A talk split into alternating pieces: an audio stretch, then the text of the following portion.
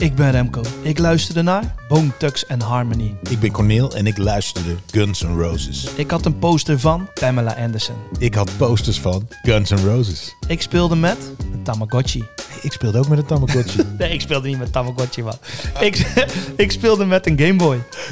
en ik speelde echt met een Tamagotchi. We zijn allebei kind van de jaren 90. Zo is het. En vanaf Museumwerf Vreeswijk komen wij telkens met een aflevering waarin we iets behandelen uit onze favoriete jaren 90. En het altijd met een gast. En Remco, welke gast hebben we deze keer? Ja, wij zijn vrienden voor het leven. Kameraden tot de laatste dag. Danny de Munk. Vrienden voor het leven. En we- Als het kan, als het moet. Als het mag. Niet Danny de Munk. Maar het is wel de zanger van dit nummer. Zeker. inderdaad. We hebben Peter Lussen.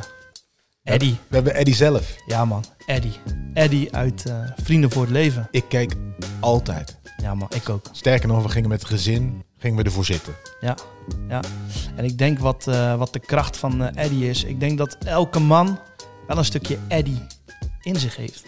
Ja, of zich beter ging voelen dankzij, dankzij Eddie. Ja? Ja, misschien ook wel. Maar ik, ik denk wel dat, dat ieder mens een stukje Eddie... eh, Heb, heb jij een stukje Eddie, denk je? Ik heb ook een stukje Eddie in me, ja. Maar wat ik zo leuk vind, is dat nu Peter Lussen zelf komt. Ja, Want ik ken hem volgens mij daarvoor van een crispy geluidje, toch? reclame. Van de crispy chips. Ja, klopt. Maar we gaan het met hem van het lijf vragen natuurlijk. Zeker. Het is een eh, topacteur, theaterman, zanger. Weet je wat hij ook is? Nou, Trouwambtenaar. Is hij ook trouwambtenaar? Ja, maar we gaan terug naar de jaren 90. En ik ben al getrouwd. Ik ook. Hey, en straks gaan we natuurlijk ook weer naar ons vaste item Legacy of Music. Waarin we elke aflevering een 90s hit bespreken. Ja. En Ga, ga, ga je het vertellen nou? Nee, ik ga het niet vertellen. Oh ja, vergeet niet te liken, subscriben of laat een review achter. Alvast bedankt daarvoor. En kijk ook eens op onze socials. Op Instagram, TikTok, X of Facebook. Kind van de jaren 90 of kindvandejaren90.nl. En dikke tip, Check voor toffe 90s content vroegert.nl. Vroegert met een T. En nou gaan we naar het gesprek. Terug naar de mooie jaren 90.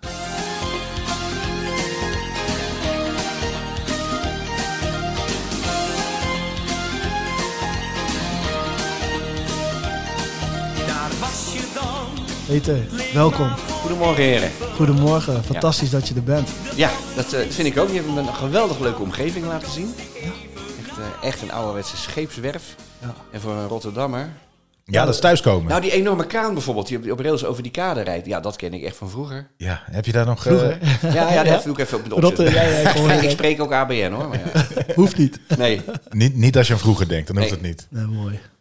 Hey, we zitten hier eh, voor de jaren 90. Ja. Hoe, hoe heb jij de jaren 90 ervaren in, in, in de breedste zin van het woord? nou, zeer, zeer hectisch. Ik kwam in een tv-serie terecht en ik kwam bij Joop van den Ende terecht. En Joop van den Ende werkte heel erg hard en dacht dat dat de enige manier was. Dus dat moest jij ook.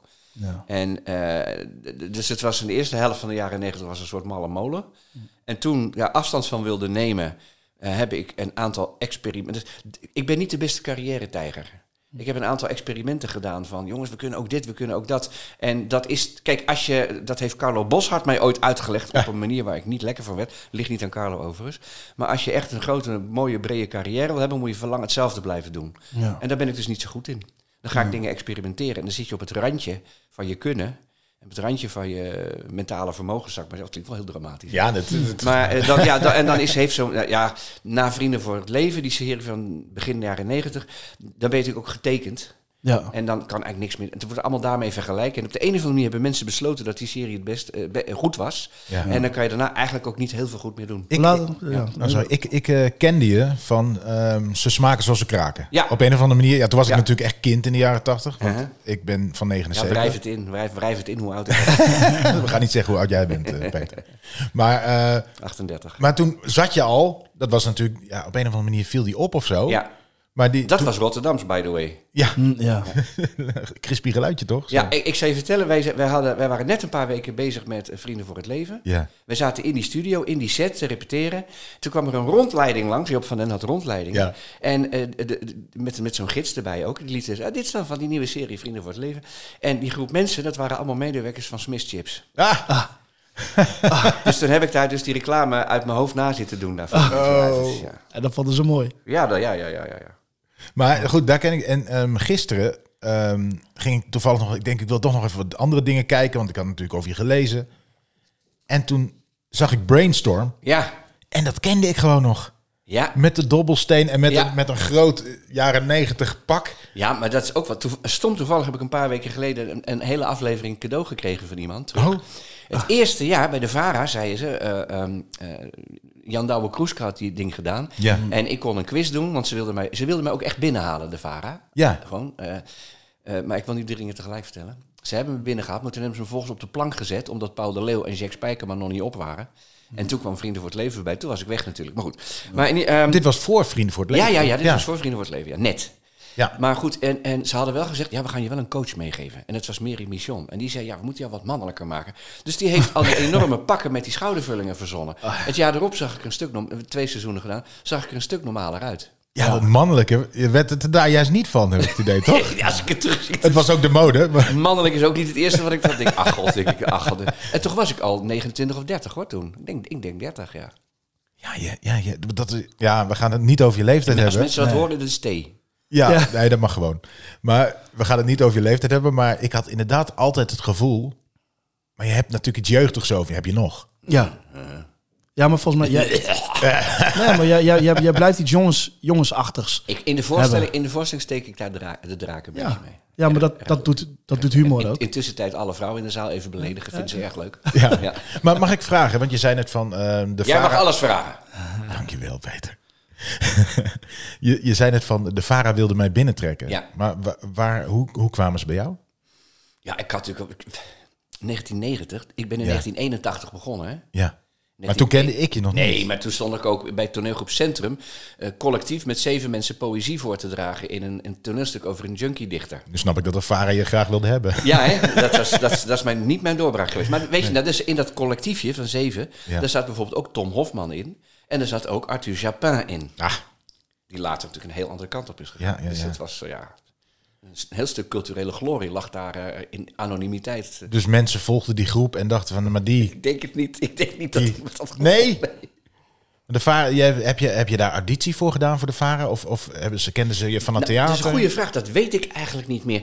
Ik had al wel eh, in 87, 88 heb ik in een serie gezeten. Dat heette comedy serie, maar dat vond ik niet zo heel erg komisch. Maar het was wel een aardige serie. Dat heette eh, Nieuwe Buren. Ja. En ik had ook al gezeten in een... Nee, ik zeg het verkeerd. Ja, dat was ook een comedy-serie die niet echt heel erg komisch was. Dat was eh, Mag het ietsje meer zijn? Ja, ja, ja. Het eerste seizoen heb ik daarin. Daarna, ik ben er direct na een jaar uitgegaan.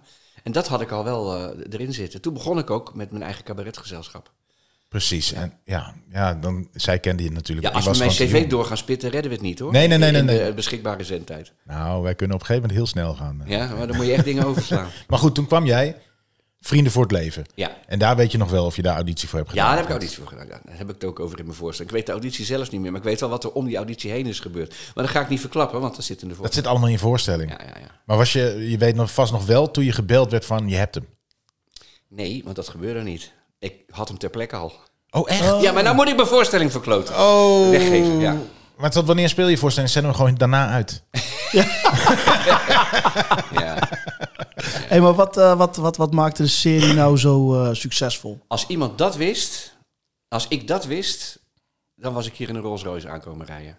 In plaats van in een Toyota uit Ja, maar- 1999. Is, is, is het heel lastig? Voor, voor Ja, mij is het echt de herkenbaarheid. Zelfs Joop kan het ook niet. Nee, En maar terwijl te- hij vaker, veel vaker raakschoot dan wie dan ook. Dat is zijn talent, het één van zijn talenten natuurlijk. Maar nee, als je succes kon voorspellen, nee. nee. nee, niet voorspellen, maar wat was het succes? Ja, dat weten we natuurlijk niet.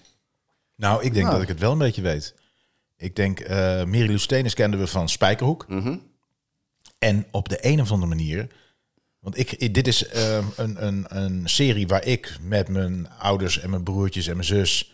voor op de bank ging zitten met z'n allen. Zijn ogen glimmen helemaal. Zie je? Ja, Ja, nee, ja, ja, ja, ja. maar dat, eh, dus inderdaad de, de natgekamde haartjes en het eh, bakje nibbits. Hij heeft, dames en heren, hij heeft nu een enorme baard. Maar ehm, we gingen ook echt voor jou zitten. Jij was op een of andere manier was jij iemand waarvan we allemaal 100% van overtuigd worden. Dit wordt weer lachen. Ja, maar het was ook de, de, de, de samenhang met, eh, met opa, met pa, Ja. met Edmond Ja. Klaassen, Ja. eh, Gaston van, eh, van Erven. Nou, ik ben blij dat je die naam even noemt. Eh, wij, wij, wij werden in die tijd werden wij tamelijk snel een soort van beroemd. En dat Ja. ging Ja. altijd over Eddie en Ellen, altijd over Mary Lou van Steenis en mij. Maar ik zeg altijd dat opa Edmond Klasse, die op zich niet specifiek een komiek was, maar wel een heel erg goed en acteur. En die was echt ook een soort pijler onder die serie. Want als je zo'n lichtgewicht als Eddie hebt, dan moet je, en dan moet je iets tegenover hebben. Dan- En hij hield de balans. Hij was een stabiele factor in die serie. Ook achter de Nee, dat niet speciaal. Nee, nee. Dat, mensen vergissen zich altijd. Dat voor en achter de schermen zijn twee totaal verschillende dingen. Vertel eens. Ja, ja, ja. Ja, Wat en is het verschil? Wat is het verschil? Dat we voor de camera spelen we rollen en achter de camera zijn we onszelf. Ja, sorry, mooier kan ik het niet maken. En wa- was dat eh, jezelf, eh, want je hebt natuurlijk twee types van casting. Dat is namelijk, jij kan als acteur heel goed transformeren en die rol spelen. En, Mhm. Ja, ja, die- en, en je, of typecasting. Mhm. En dan heb je toch achter de schermen ook wel eens. Ik, ik heb eh, bijvoorbeeld in Feuten gespeeld. En tijdens, Mhm. Ja. de, de, de, ehm, tijdens de opname van die serie waren wij verschrikkelijk. Ja, Omdat wij Ja, die gasten ja. bleven. ja. Nee, dat was bij ons niet. Het was... Eigenlijk was het ontzettend relaxed. Eh, wij, wij, wij hebben... eh, je kreeg op een gegeven moment heeft John de Mol een prijs in het leven geroepen. eh, de Tos Kompas TV-ster. En dan in categorieën onderverdeeld. Ja. En in de categorie comedy hebben wij die drie jaar op rij gewonnen. Daarna was die ook weg. Was die weg. Ja, ik heb er nog geen liggen thuis trouwens. Maar ehm, dan zaten we dus daar in ons smoking op weer zo'n gala. Ja, sorry dat ik blasé klink. Weer zo'n gala. ja. En dan waren de, de, de collega's van de andere series, wij zaten daar echt stront nerveus. Oh, oh, ik hoop dat, ik hoop. En dat hadden wij niet. Er is, en dat is het, e- het prettige van het clubje van Vrienden voor het Leven. Er is nooit één seconde geweest, één- oh, nooit ook maar één collega geweest die één seconde dacht dat hij bijzonder was. Maar hoe, hoe, hoe was de sfeer onderling? Gewoon rustig, professioneel. Eh, ook Het was gewoon, ook een kleine cast. ja, ja, de, de hoofdkast, je hebt zo'n beetje zes, zeven mensen. Ja. Maar wat ik even wil vertellen. ehm, je zegt acteur. Ik ben natuurlijk geen acteur. Ik ben cabaretier. En, cab- Ja. ja. en cabaretier, zeker oude stijl, wat ik natuurlijk ben, is allround. Die kan lullen. Die kan schrijven. Die kan zingen, wat tegenwoordig niet meer voor de hand ligt, maar bij mij nog wel. In Ja. mijn generatie nog wel. En die kan vaak ook acteren. En dan meestal comedy acteren. Maar ik heb ook wat bij Vrienden voor het Leven dat ik een wat serieuzere scène moest doen. En ik kwam er niet helemaal uit. En er kwam een Gaston, dus die eh, vader speelde. Hm, wat? Ja, ja, ja, ja, ja, ja, ja. En Edmond, die opa speelde, kwam met z'n tweeën schouder aan schouder aangeschokt. Jong, ik zie dat je er moeite mee hebt, dan moet je zo en zo doen. Oké, en dan gingen ze weer weg. Met z'n tweeën shock, shock. En waar zit het in dat je moeite had met dat soort scènes? Eh, omdat eh, acteren, een- het, het- ons vak bestaat uit diverse verschillende vakken. En ik beheers ze niet allemaal even goed. Hé, hey, wat raar. Nou, kun, je- kun, je dat uit, kun je dat eens uitleggen? Want ik heb wel een idee, maar volgens mij heel veel mensen niet. Nou, ik vind zelf, vind ik eerlijk gezegd, eh, eh, ik kan het wel. Ik heb, het, ook- ik heb ook wel toneelstukken gespeeld waarbij, eh, die wel komisch... Die Odd Couple heb ik gespeeld in 2004. Ja. Met Kees Geel en, en natuurlijk uiteraard ook anderen. Maar wij waren de twee hoofdrollen. Dan ben je gelijk een duo. Dat is heel erg van comedy, duo's. En dat was zeker komisch. Maar er moest echt ook wel serieus geacteerd worden. Ja. En onze regisseur, Brun Kuit... die vroeger op de Academie voor Kleinkunst mijn beste maatje was... heeft me daar echt doorheen gecoacht. Maar kun, kun, je, kun je uitleggen, wat is het verschil tussen serieus, serieus acteren en comedy acteren? Wat, wat maakt dat voor jou anders? Sowieso vind ik comedy acteren heel technisch. Ja, ja, ik geef eh, workshops daarin ja. aan eh, theateropleidingen. En maar ook de laatste jaren ook met heel veel plezier in amateurverenigingen. Het is heel technisch. En ehm, enorm de emotie induiken bij comedy is volslagen zinloos. Ja. Dan werkt het gewoon niet. Nee, je moet precies weten op elke seconde bijna waar je blik zit. En eh, grappig is het, want als, je- als je het goed doet, Ja? ziet het er volgens mij voor veel mensen uit. Juist alsof het meer lol maken onderling is. Ja, en dat is. Ik was eh, een paar weken geleden was ik bij een eh, theatervoorstelling Anne Wil Blankers, 82. Vertelde over haar vak en beantwoordde ook vragen. En er waren ook vragen over improviseren en, en smieren Ja. en zo. En daar was ze heel streng in. En dat klinkt misschien heel gek, maar ik was het hond- 250% met haar eens. Wat, wat zei ze erover? Eh, nou ja, gewoon, eh, eh, je, je houdt je aan je script, je houdt je aan je dingen. Ja. Anders werkt het niet. Comedy is timing. Als ik met jou speel en ik doe wat anders, ben jij je timing en je momentum kwijt. ja, ja, ja. En het is, het is gewoon, dan geef ik een paas achter je. Nee, dat vind ik ook mooi. kun jij je- niet scoren. Nee, wat je net zei, het gaat ook heel erg over collegialiteit. Ja, zeker. ja, gewoon ja, professionaliteit. Het gek is Ton Lutz, die toch een, een grote man was in het grote toneel. Ja, ja. Die heeft ooit, dat heeft hij eens vaker gedaan, maar ik heb het één keer gehoord op de radio, uitgelegd. Nee, het gaat niet over voelen. Het gaat niet over emotie. Het gaat over denken. Ja.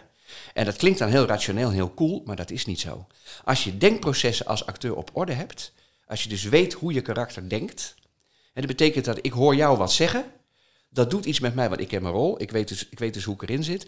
En dan weet ik dus wat mijn karakter denkt. En dat is heel gek, maar emoties komen voort uit gedachten. Ja. Als, ik, eh, als jij iets tegen mij zegt en ik denk hij mag mij niet, reageer ik heel anders dan wanneer ik denk, ah, die vent lult me wat. Of ik mag hem heel graag. Mhm. Dus als je je gedachteprocessen op orde hebt, Klopt. Ja, dan, maar... dan, dan komen de emoties in, bij goede acteurs natuurlijk, Ja, komen ja, de ja, ja. emoties ook goed.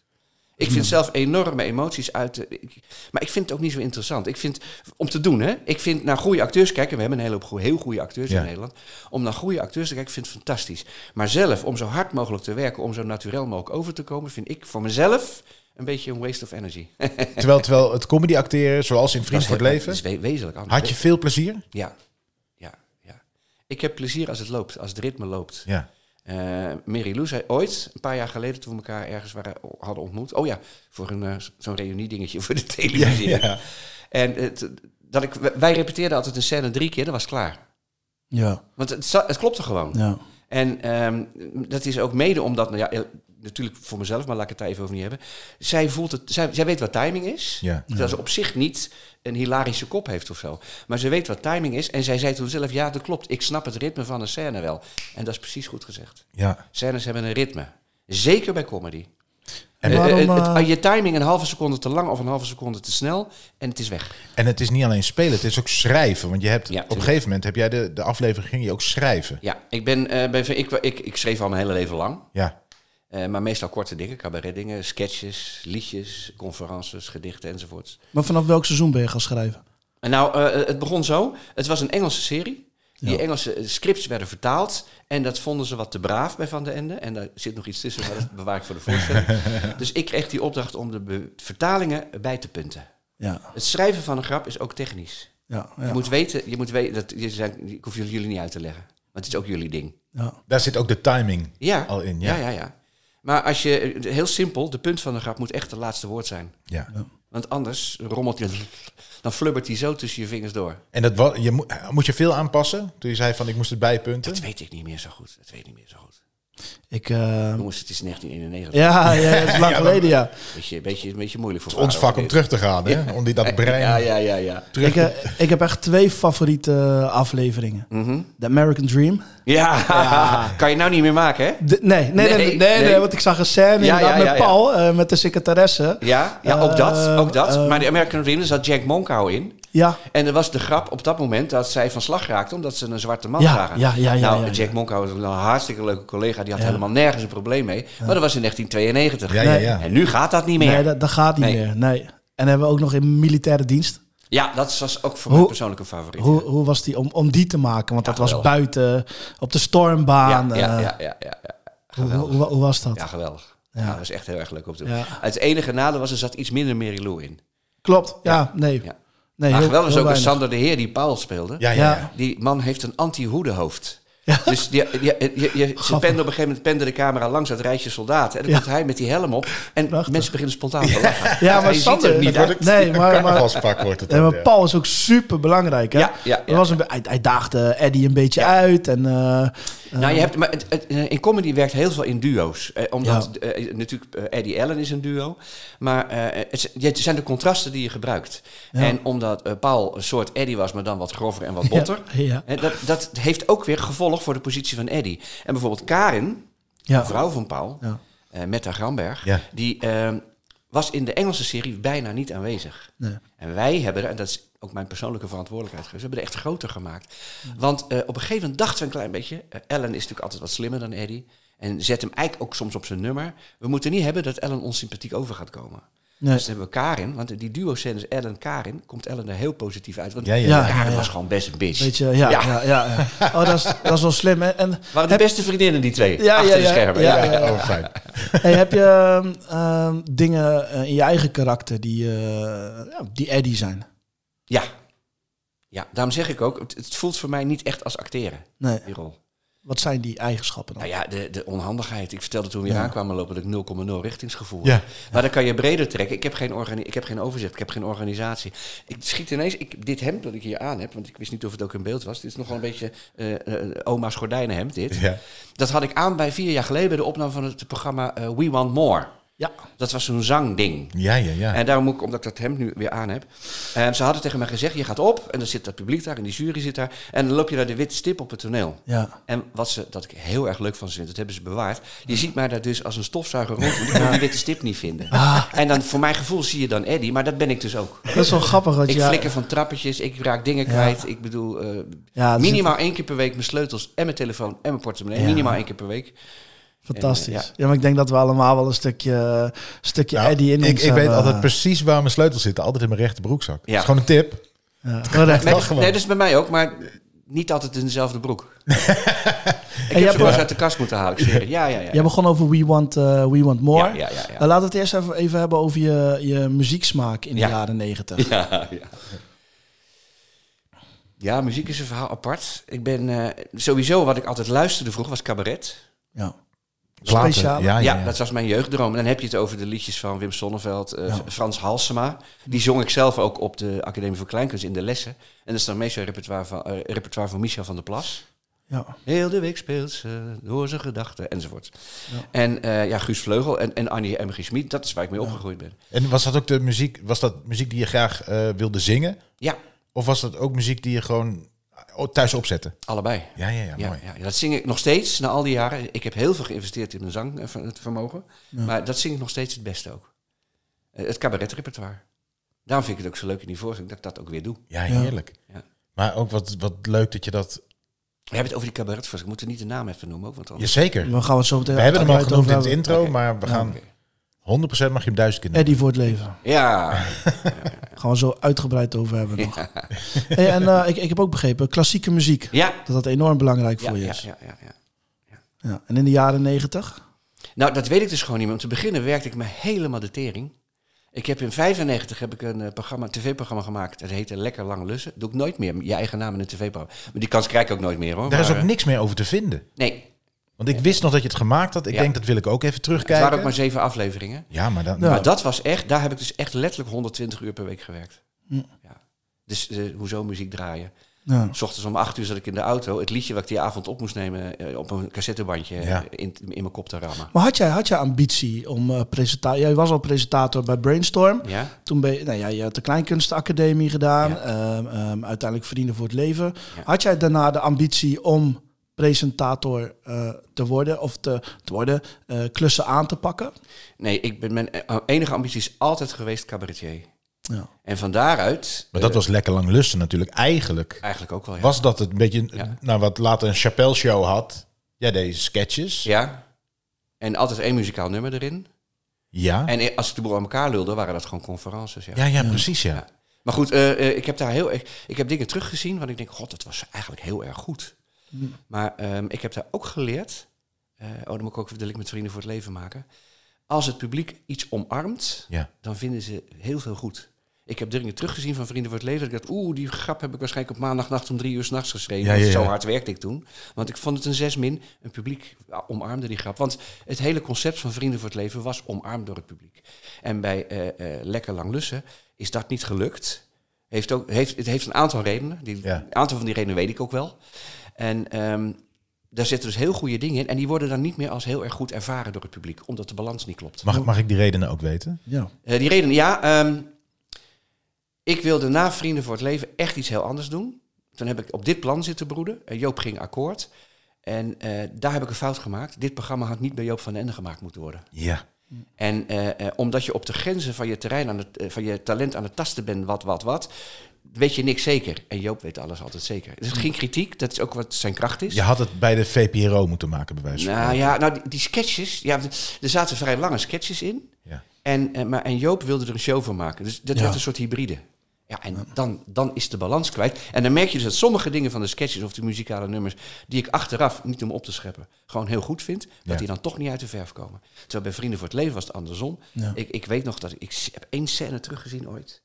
dat ik met mijn arm een stapel blikjes omstoot... en dat ligt er zo dik op. En dan krijg ik echt alsnog het water in mijn handen. Ik denk, lul, dat mag je niet doen zo. Gewoon ook streng voor jezelf. Maar eh, eh, het publiek accepteerde het omdat het, het concept was geaccepteerd. Heel gek. Het publiek accepteerde het. En wat ik daar ehm, tof aan vind, was dat, dat jullie dat ook meteen voelden destijds. Zo van, er zat toch live publiek? Ja, Ja, dat was met de sitcom, de situation comedy, Ja. die in die tijd veel gemaakt werd. Eh, dat, is een, dat is een heel specifieke vorm. En die heeft heel specifieke doelen waar je aan moet voldoen. En dat zit hem in het feit dat er live publiek bij zit. Dat betekent ook dat het allemaal een tikje groter en een tikje grover wordt. Ja. Want je timed op het publiek. Ja. Ja, het is zo weinig subtiel. Ja, dat is de vorm, Oedlul. Ja, ja, ja, ja. ja. En, ehm, dat, maar dat, moet- dat moet voldoen aan bepaalde specifieke wetten. Maar Het heeft ook heel, beperken, heel veel beperkingen. Ja, qua want- camera-instellingen en zo. ja, precies dat. En, Ja. en ook ehm, dat je waarschijnlijk... Gingen jullie een week repeteren voor Ja. een aflevering? Ja. Omdat je net zei van met eh Mary Lou deed ik eh, drie keer nam ik een scène door en dan wisten we Ja. hier staat hij. Maar dan was de rest was eh, camera of cameraposities afspreken. Ehm, als je begint... je Speelden begint- jullie de hele aflevering door al? De Ik, hele zal, week? ik, ik, Graag. ga je er doorheen. Graag. Ik ga je doorheen. Hier zit ik voor. Rustig, ontspan. Ja. Ja. Maandagochtend om 10 uur was het lezen van het script. Ja. Dan zitten produ- productieassistenten, of de regieassistenten, nee, regieassistenten, zitten met de stopwatch. Wat, hoe lang gaat het ongeveer worden? Ja. Nou, dan ga je dus de, de vloer op, de set in. En de, re- de regisseur heeft dan zijn, shotlist al klaar. Die weet letterlijk overal, van ieder moment heeft hij al bepaald waar hij welke camera gebruikt en hoe hij gaat schakelen enzovoorts. Dat is dan voor mij altijd het moeilijkste moment geweest. Ja. Want hij zegt, je moet daarheen, nou, en met mijn gebrek aan richtingsgevoel. dus je moet daar, op dat moment moet je daar staan en daar moet je gaan zitten. Ja. En, en dan kan je wel zeggen, ik improviseer wel. Nee, want als je een half eh, eh, eh, totaal shot hebt, hè, zeg maar van je broekriem tot je kruin, en je gaat staan in plaats van dan zitten, dan is shot naar de weg. Ja, dus dan moet je ook echt serieus Maar waarom houden. deden ze dat? Dat is, dat, Waarom, waarom niet eerst jullie laten spelen en dan, dan die shotlist maken? dat, is, dat is de tijd helemaal niet Dat gewoon wat het was, ja. Nee, is leuk dingen uitvinden. Nee, je moet eh, eh, in de beperking moet je je vrijheid zoeken. Ja, ja, ja. Dat is het wapen. Maar goed, die, toen was die shotlist gemaakt. Ja, nou dan ben je dus een, een, een anderhalve dag bezig met het, eh, de eerste repetitie van alle scènes. Die worden dan gezet, zeg maar. En dan zijn er twee dagen dat je de, het, het- de komende gastacteurs opnieuw ook weer binnen. Ja. En dan repeteer je ze om het beter te maken. En dan zie je gaandeweg zie je de scripts in de hoek verdwijnen. Want dan leert heeft men het uit het hoofd. Dan donderdag heb je, eh eh, eh, 's smiddags om vier uur, heb je een soort doorloop. Ja. Dus dan doe je de hele aflevering achter elkaar, zoals je een maandag gaat doen bij de opname. En dat is eigenlijk je generale. Want vrijdagochtend om 10 uur breekt de pleuris uit. Dan staan er letterlijk 50 man om je heen. Ja. Camera plus assistentie, geluid plus assistentie, licht, eh, schmink, setdressing, eh, decors, requisieten, catering, alles. Regisseur verdwijnt naar het hok, die zie je ook niet meer. Nee. En op dat moment zijn ze bezig met de techniek. Dan gaat de scène over, of je zit ineens een half uur in het licht te wachten, wat soms heel heet kan zijn. Want die lampen, dat wil wel hoor. Zeker toen, ja. Ja, ja, zeker toen. Ja, nog geen led. en eh, dan gaat het niet meer om jou. Nee. Dus daar moet je sowieso tegen kunnen. Daar moet je, daar moet je niet te, on- te onzeker voor zijn. Nou, daar hadden wij nooit zo'n probleem mee, vanwege de professionaliteit, denk ik. Maar ehm, je moet je huiswerk klaar hebben, want er is geen tijd meer voor jou. Ja. Er is tijd voor de camera's. Er is tijd voor, jongens, het licht klopt niet. Er is tijd voor, als je dat doet, versta ik je niet. Dus er moet dat kar- geluidkarretje moet achter dat geluidkarretje langs. Hopla, gelijk. Dat mag, dat mag. Ja, precies. Dus en, en, en, en dan om vier uur doe je de, de volledige aflevering, speel je dan, zonder publiek. ja. En dat is de generale, eigenlijk de echte generale voor Die wordt ook opgenomen waarschijnlijk? Jazeker, want gaat er in de opname iets mis of heeft hij iets niet, kan de regisseur uit het blik van de middag kan die dingen pakken. Ja, maar dat wil hij helemaal niet, want die middagopname zonder publiek zit gewoon qua energie een tandje lager Ja. dan de avondopname als je voor de mensen staat. En, en, eh, want, en dat publiek kwam dat erbij. Ja, En, en dat was natuurlijk eerst gewoon publiek wat geregeld werd door eh, Van de Ende Producties. dat weet ik niet. Dat weet op een gegeven moment waren het fans. Nou ja, wij hadden, het, het, is, het is echt, het is bijna gênant om te zeggen, maar vanaf aflevering drie waren de kijkcijfers al hysterisch hoog. Ja. En het, niemand weet waarom dat zo aangeslagen is. En ik durf die voorstelling, oh, Eddie voor het leven, die gedeeltelijk over die tijd gaat.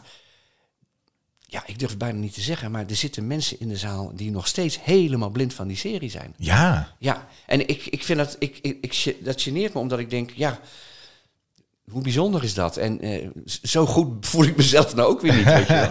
Heb je veel contact met, eh, met de mensen? Nee, Oké. Nee, af en toe Merilou. En eh, Sander, Merilou is naar de tweede try-out komen kijken. Ja, Oh, dat leuk. is toch wel...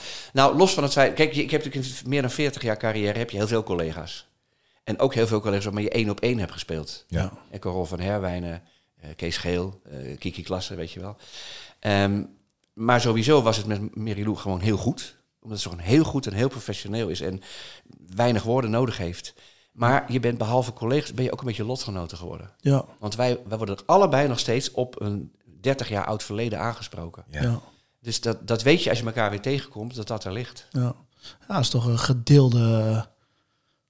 Ja, vul dat maar eens in. Dat. Ja, ja, ja, ja, ik zit Nou, even, ik het- zit even na te. Het is iets... eh, Nou, het heeft ook zijn beperkingen natuurlijk. Hè? Want die serie hangt wel aan je reet. en Die Ja. komt er niet meer vanaf. nee. maar En, jullie- nou, dat betekent ook, want de cabaretvoorstelling is heel moeilijk te verkopen.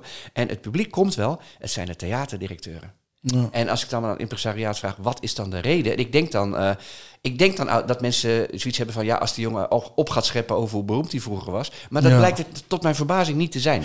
Ja. Dit, dat- die kritiek krijg ik niet. Maar het blijkt vooral ja, wat jongere theaterdirecteuren... die die serie niet kennen... maar die echt zoiets hebben, wat moet die vent van vroeger nou nog? Ja, wat, Ja, ja, ja, daar vecht, eh, ga, vecht daar maar eens tegen. moet je niet bij ons aankomen. Wij nodigen alleen maar die vent van vroeger uit. Nee, maar je, het, ehm, op een gegeven moment wonnen jullie ook de te- televisiering. Ja, nou, dat is eigenlijk al tamelijk in het begin. Ja. Nou, daar heb ik een hele conferentie over in de voorstelling. Oké. Dat was zo'n bizarre avond. Dat is echt, je gelooft niet wat daar gebeurd is. Gewoon echt. Maar Kan je er iets over vertellen? nou, nee, dat vind ik gewoon jammer. Dat vind ik gewoon jammer. Laat ik het zo zeggen, wij hebben die ring nooit gezien. Die ring werd uitgereikt door Mies Bouwman. Ja. We hebben hem nooit gekregen, maar we hebben hem ook nooit gezien.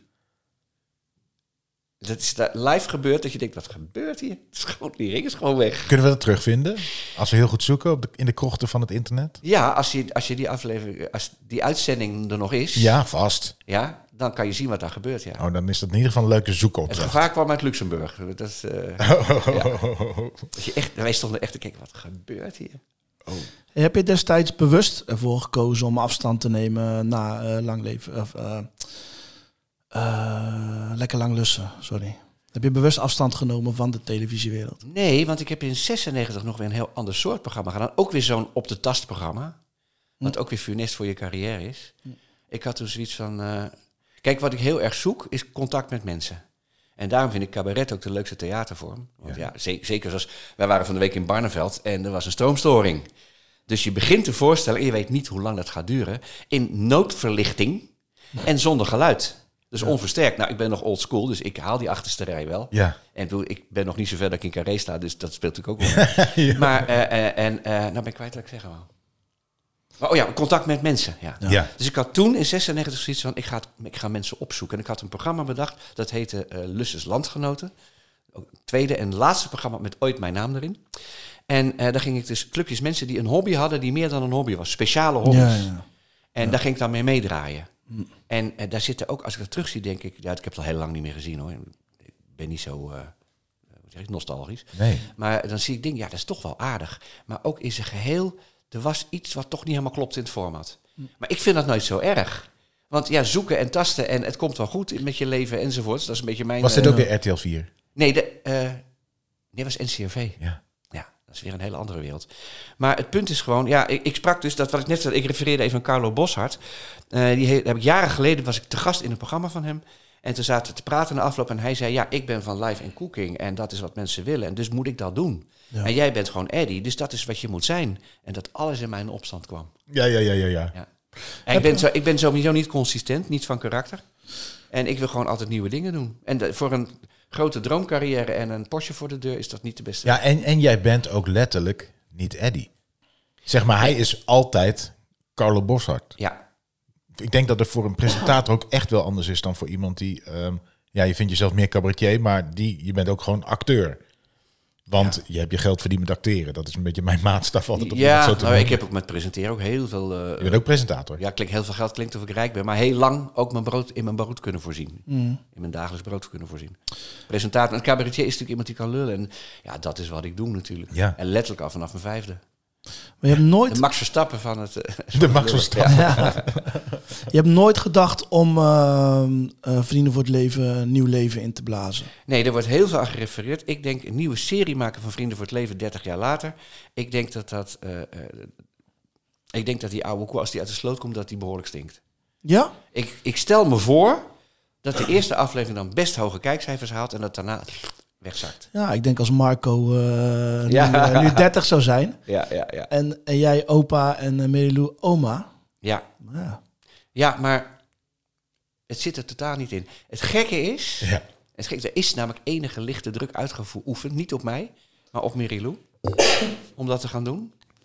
En ik heb gelijk gezegd, ik zie het niet zitten. Maar wat ik wel had, hey, het zou wel een idee zijn om er eenmalig in het theater mee te gaan. Met een soort, eh, ik zing graag. En Mary Lou kan, dat weet niet iedereen meer. Ja, dat weet ik nog wel. Jij, jij Patty wel. en Swift. Ja, zo. Ik heb dat teruggezien. En ik denk, oh ja, Mary Lou kon zingen. Ging ik het terugzien. Man, wat een zangeres. Ja. Maar als je dat nu tegen ze zegt, ze ja, dat is 30 jaar geleden. Maar goed. Maar in ieder geval, ik had wel zoiets van, waarom maken we niet een, musical? Eén keer. En Mary Lou zei meteen, ik heb de aan musical. Zei, ja, dat snap ik. In een bepaalde vorm ik ook wel. Ja, ja, ja. Maar we gaan natuurlijk niet zo'n zo'n zo'n eh, stageholder, zo'n Joop van den Ende musical maken. Je gaat natuurlijk een leuk toneelstuk maken met een paar leuke liedjes erin. Maar- Maar, daar voelde zij dan weer niks voor. Oh, maar dat is... Ik vind dat we haar moeten bellen. Want ik, vind, ik denk dat het een heel goed idee is. Ja, maar goed, ja. Nou Want ja, ook de- wat je zegt van die serie, van ik zie het niet gebeuren en mensen vinden het stom, maar dat ligt toch ook aan nou, ik heb degene niet- die het schrijft, Ja, maar ik heb het ook niet meer in me.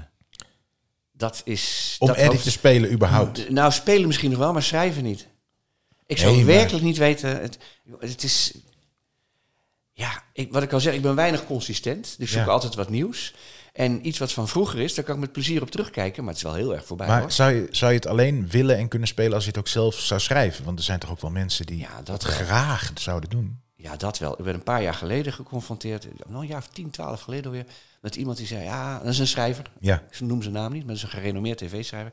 Ja, dan ga ik een aflevering schrijven. En dan heb ik gelijk zoiets van, hoe de fuck gaat mijn script van? Oh ja, ja, ja, ja, ja. En nou even terug dan. Ehm, ik bewerkte die vertalingen dus in eerste instantie. Hè. Die maakte ik wat pittiger.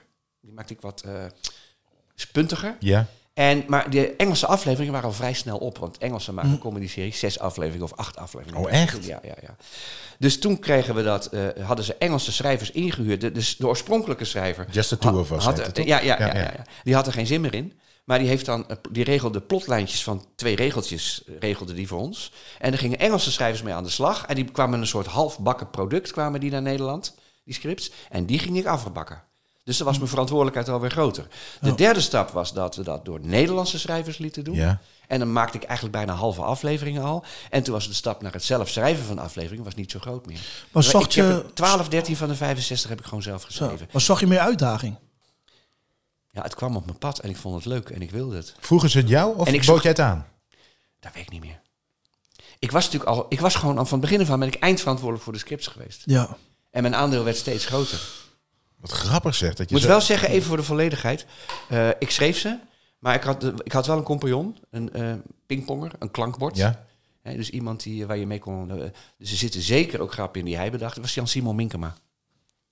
Heel goed genoemd. Was, was het toen, ja. ja, nou, dat, je moet, ik wil nooit op andermans... eh, hoe zeg je het? Met andermans sferen passen. Nee, nee, nee, nee. nee. Mooi karaktertrekje van mij. hè? Ja, oh, je bent zo mooi. Zo bescheiden gebleven. Aha, aha. Mooi.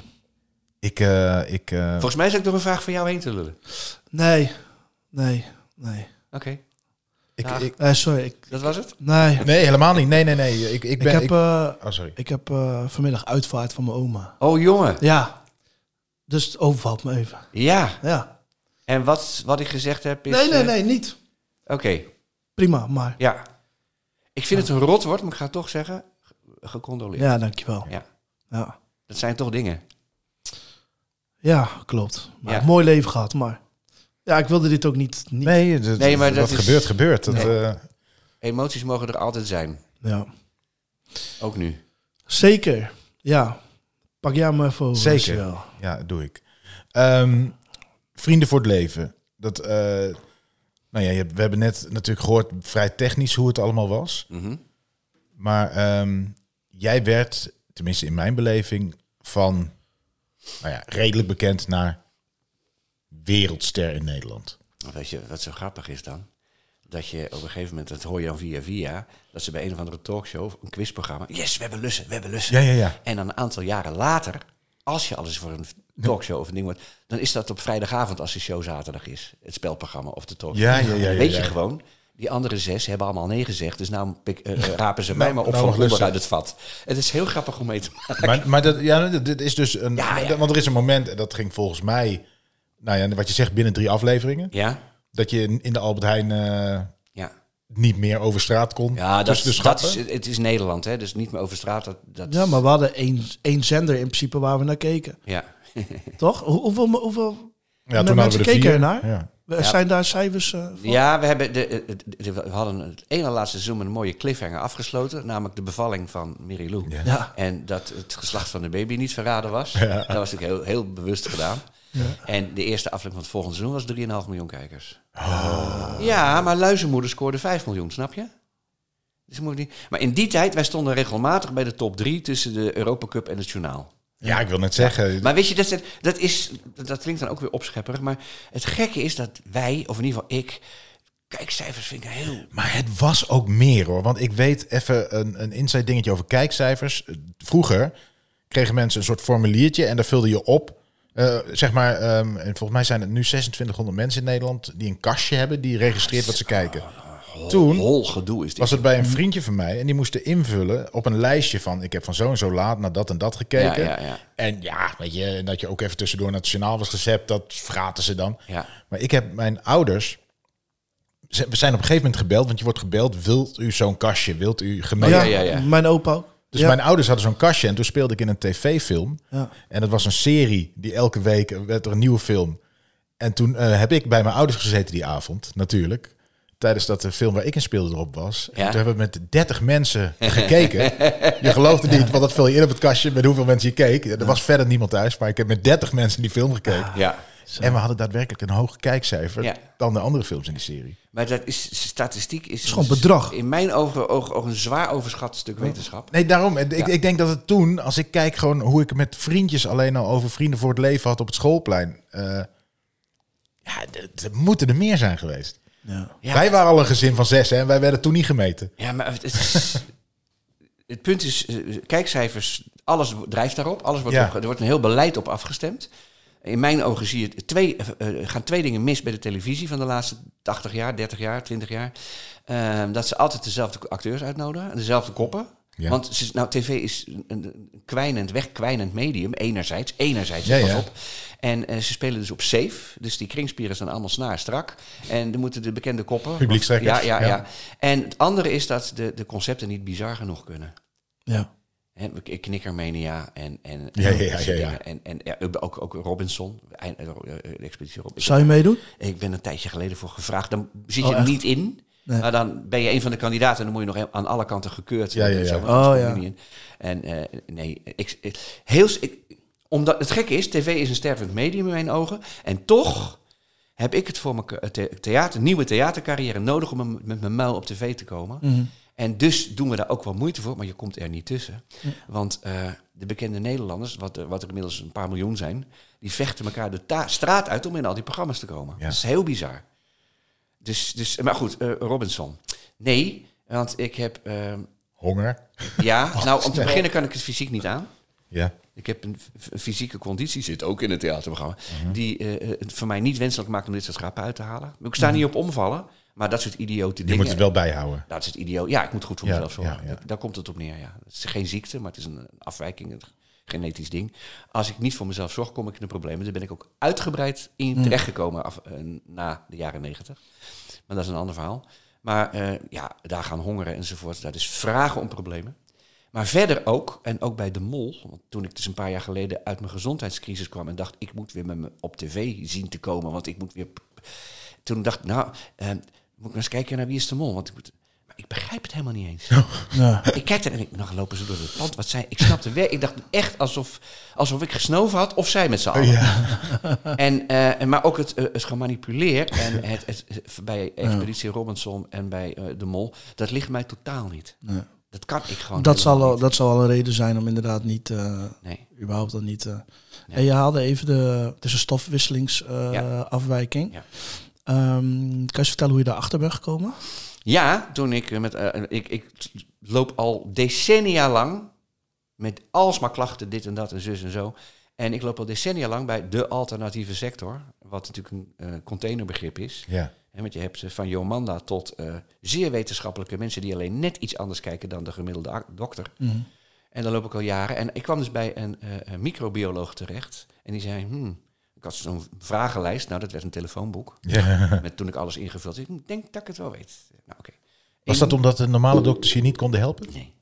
Gewoon uit je eigen... Eh, uiteindelijk die specifieke stofwisselingsafwijking die ik heb, eh, heeft een naam. En die eh, eh, artsen kennen hem niet. Dat vond ik in het begin heel kwalijk. Ja. Tot ik hoorde dat er ongeveer 600 stofwisselingsafwijkingen zijn. Ja, je kan niet van een arts vragen wachten dat hij nee, allemaal uit zijn hoofd heeft geleerd. Maar wat mij wel opgevallen is, dat diverse artsen, ook specialisten, dan zeg ik erbij, het is wel even zus en zo. En ze- dat werkt zo en zo. Dat moet ik in lekentermen uitleggen, want ik ben natuurlijk niet medisch geschoold. Ja. En dan knikken ze en zeggen, oh ja, nee, dat weet ik niet. En ze gaan er vervolgens niet naar op zoek. Dat is Ik heb bijzonder. ooit bij een internist gezeten, want slechte darm is een basissymptoom. Ja. Bij een internist gezeten, die mat drie bacteriën. En die zei, ja, nee, ik, we vinden niks. Maar voel je je niet gehoord dan? eh? Ga maar weer naar huis. Ja. Ja. Ja, maar dan moet je... En dan dat- zeg ik, dat en dat en dat is het geval. Oh ja, nee, nee. Maar je zegt, je bent in een gezondheidscrisis geweest. Ja, eigenlijk meer, want op zich is het, hoef je hier niet ongezond van te worden. Nee, precies. Dus het was niet zoiets van, het is fijn dat je geen last hebt, maar anders had je nog wel last gehad als er niks was gevonden? Of als niemand het antwoord had gehad? Nee, eh, Het was echt wel nee, wat er heftiger. gebeurt- nou, het, heeft, het brengt gewoon beperking met zich. Mijn lichaam werkt heel inefficiënt. Dat is eigenlijk het basisprobleem. Maar werkelijk ook op alles. Dus daarom krijg je dus ook symptomen die niets met elkaar te maken lijken te hebben. En heel veel symptomen. Omdat je op alle terreinen altijd een stapje tekort komt. En als je daar geen rekening mee houdt, wat ik nooit deed, ja. dan krijg je dus ook de meest uiteenlopende idiote toestanden. Maar dat heeft dan je werk ook in de weg gezeten. Ja, zeker. Want ik kreeg eh, na mijn dertigste... Ik, mijn geestelijke energie is aanzienlijk groter dan mijn lichamelijke energie. En ik heb mezelf eh, uitgeput en niet een beetje ook. Maar mentaal ook dan? Nou, vooral lichamelijk. En ja, dan komt dan volgens Ja. mentaal ook wel, maar in principe lichamelijk. Dus je gewoon echt denkt, ik weet letterlijk niet hoe ik mijn bed uit moet komen. Hoe is dat nu? Ja, nu... eh, het is sowieso, is het een, eh, een aantal jaar geleden is de balans hersteld. En eh, de kwalen, ja, eh, och, ik kan er zoveel over vertellen. Ik liep op een gegeven moment, bleek dus dat ik met een 10, 12 chronische eh, kaakontstekingen liep. Oh, die voel je niet, die merk je niet, maar ze slopen je wel langzaam maar zeker. Ja. En in die tijd is ook gebleken dat ik vijver heb gehad, maar het niet eens gemerkt heb. Nou, dat zegt ook wel iets. Maar hoe, hoe, hoe kom je achter die, die kaakontstekingen? Eh, nou ja, eh, omdat ik bij een alternatief genezer was. Ja, dat klinkt zo, uh, dat klinkt zo een Jomanda achter. Maar het maar is, echt- gebeurd, het is wat het is, toch? ja, joh, Het en die vent het was geweldig. En die zei, ja, ik denk dat je even naar die toe moet. Want die gaat over, want er is iets met je ge- gebit mis. Het punt is, als er eh, dingen in je gebit mis zijn, dan heeft, kan dat een effect hebben op je hele lichaam. Ja, Ja. Nee, dat geloof ik. Maar eh, ik heb wel eens een ontstoken kies gehad. Ja? En daar ging ik niet van twijfelen of ik een ontstoken kies had. Zeg maar. Nee, nee, maar je hebt twee soorten. eh, ruwweg, ik ben, ik ben een leek hè, natuurlijk. Maar ja. ruwweg twee soorten kaakontsteking. De acute, die heb ik ook een paar keer gehad. Dan heb je een dikke muil, dat wil je niet weten. Ja. En dan moet je snel aan de antibiotica, want Huilen. je kunt bloedvergiftiging oplopen. Dat Ja. kan heel lelijk aflopen. Ja. En de andere zijn de chronische kaakontstekingen.